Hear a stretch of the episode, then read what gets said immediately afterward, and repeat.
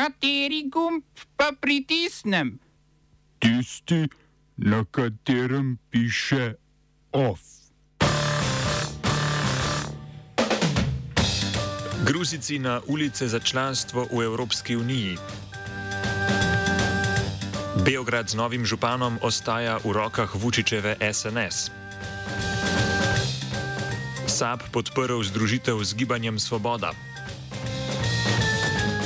Programski svet RTV o krčenju dopisniške mreže in kandidatu za direktorja. V kulturnih novicah računalniški muzej v Šiški.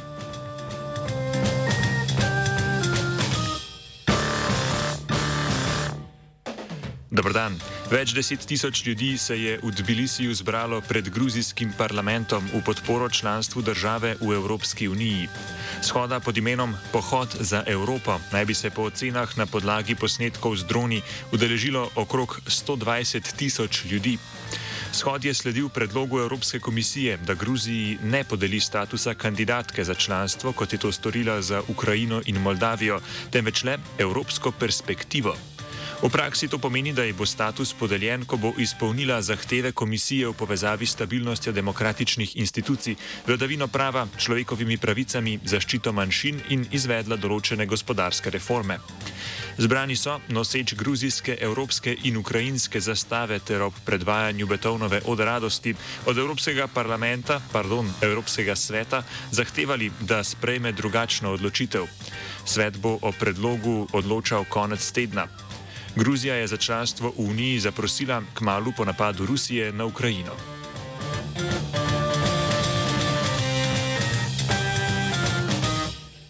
Francoski predsednik, francoski predsednik Emmanuel Macron je zavrnil ponujeni odstop predsednice vlade Elizabeth Born, ki je sledil neuspehu na nedeljskem drugem krogu parlamentarnih volitev v Franciji. Macronovo zavezništvo liberalnih strank skupaj je na njih izgubilo parlamentarno večino in bo tako za stabilno vladanje prisiljeno v oblikovanje koalicije. S predstavniki parlamentarnih strank se bo danes in jutri sestal v Elizejski palači. Predsednica vlade z Makronovo odločitvijo še ni na varni strani, saj je voditelj levega tabora Nupes Jean-Luc Mélenchon napovedal, da bodo v začetku naslednjega meseca vložili predlog njene nezaupnice. Več v offsajdu ob petih.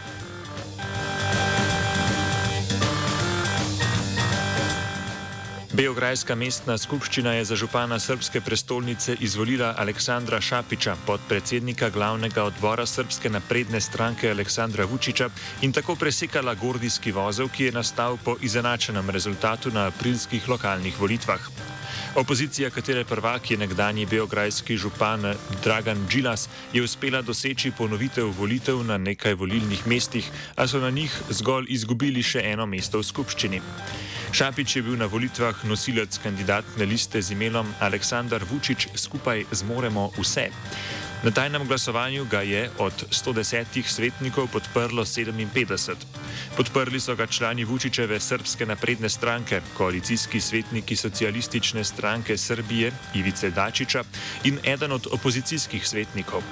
Šapič je bil do zdaj tri mandate predsednik občine Novi Beograd, dolani pa je vodil desno-populistično stranko Srpsko patriotsko zavezništvo, ki se je lani združila z Vučičovo SNS. Smo se osamosvojili, nismo se pa osvobodili. Naslednje število je še 500 projektov izpiljene modele, kako so se strani nekdanje LDS rotirali. Ko to dvoje zmešamo v pravilno zmes, dobimo zgodbo o uspehu. Takemu političnemu razvoju se reče udar. Jaz to vem, da je nezakonito, ampak kaj nam pa ostane? Brutalni obračun s politično korupcijo. To je Slovenija, tukaj je naša zemlja, to je Slovenija, Slovenija, Slovenija. Danes bo potekalo nadaljevanje seje programskega sveta RTV Slovenija, ki je bila včeraj prekinjena zaradi odsotnosti generalnega direktorja Andreja Graha Wotmoja. Svojo odsotnost je opravičeval stavko novinarjev. Na seji bodo odločali o krčenju dopisniške mreže in kandidatu za direktorja TV Slovenija Urbanu Laurenčiču. Vodstvo RTV je svetu predlagalo, da potrdi odločitev o, kot sami imenujejo, posodobitvi dopisniške mreže. Ta vključuje ukinitev dopisniškega mesta v Rimu, zamrznitev dopisniških mest v Moskvi in Berlinu ter zmanjšanje dopisnikov v Bruslju z dveh na enega. Zaradi stavke je bil včeraj okrnjen tudi informativni program. Čeprav so novinari želeli, da bi se izvedel celoti, je odgovorna urednica informativnega programa Jadranka Rebrnik, katere odstop zahtevajo, to preprečila. O tem je na kongresnem trgu, kjer so se zbrali stavkajoči in podporniki stavke na shodu za javno RTV, spregovorila Helena Milinkovič, predsednica stavkovnega odbora. A vendarle je danes informativni program od druge ure popovdne na televiziji Slovenija okrnjen. Odmevov ne bo, dnevnika ni, poročilo petih ni. Zato popolnoma prevzemate odgovornost generalni direktor televizije Slovenija, radio televizije Slovenija in odgovorna urednica informativnega programa, ki sta na ta način tudi ugrabila stavko. Stavko, ki je ustavna pravica vsakega državljana za izražanje svojega nezadovoljstva oziroma da se k njej zateče, ko so delovni pogoji prišli do skrajnosti. Shoda se je udeležil tudi Hrvoje Zovko, predsednik Hrvaškega društva novinarjev, in v nagovoru spregovoril o cenzuri ter pomenu javne televizije. Razni dobrovoljni davatelji tuđe krvi nas 30 godina teroriziraju i hoće nam nametniti cenzuru i uništavaju ovo institucija od nacionalnog interesa. Javni servis mora biti u Hrvatskoj i u Srbiji, u Sloveniji, i u svim zemljama. Bez javnog interesa nema istine.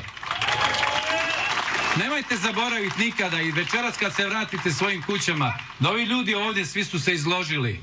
Izložili su se i progonu, i sotonizaciji, i potencijalnim sudskim tužbama od onih koji misle da je to njihovo.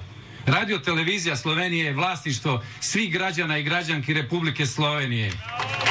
A ne vlasnik nikakvog direktora, kao što Hrvatska radio televizija i sve televizije. Koalicijski poslanci so v državni zbor uložili predlog novele zakona o nalezljivih boleznih, ki ga je pripravila pravna mreža za zaščito demokracije. Zakon naj bi sledil odločitvi ustavnega sodišča, ki je trenutni zakon prepoznalo kot protiustavnega.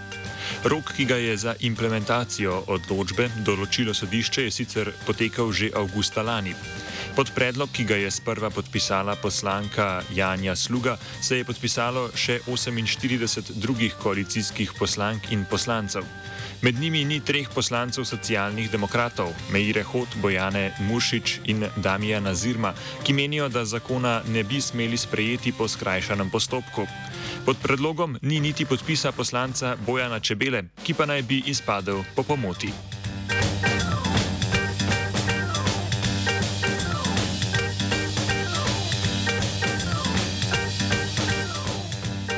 Državni zbor je s 53 glasovi proti in 23 za zavrnil predlog posvetovalnega referenduma o zakonu o vladi, ki ga je vložila poslanska skupina Slovenske demokratske stranke. Enako je včeraj storil tudi pristojni odbor za notranje zadeve.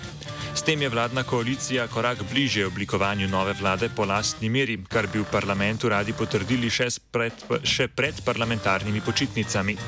Zakon o vladi, ki se je zaradi referendumske zahteve moral za mesec dni umakniti z mize, predvideva uvedbo treh novih ministrstv za solidarno prihodnost, za podnebje in energijo ter za visoko šolstvo, znanost in inovacije.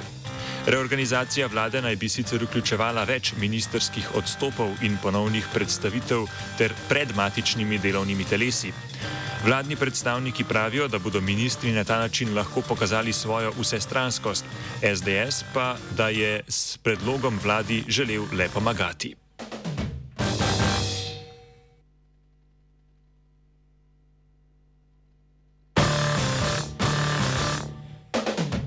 Ni še konec. Člani stranke Alenke Bratušek so na dopisnem kongresu podprli predlog sveta stranke, da se stranka pripoji gibanju Svoboda.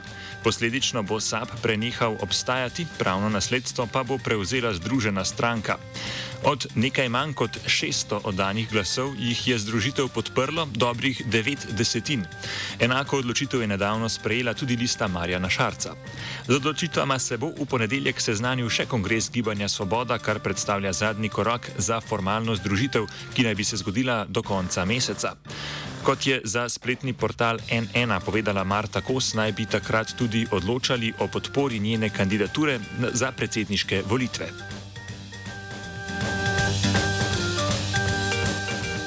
OF je pripravil Blaž.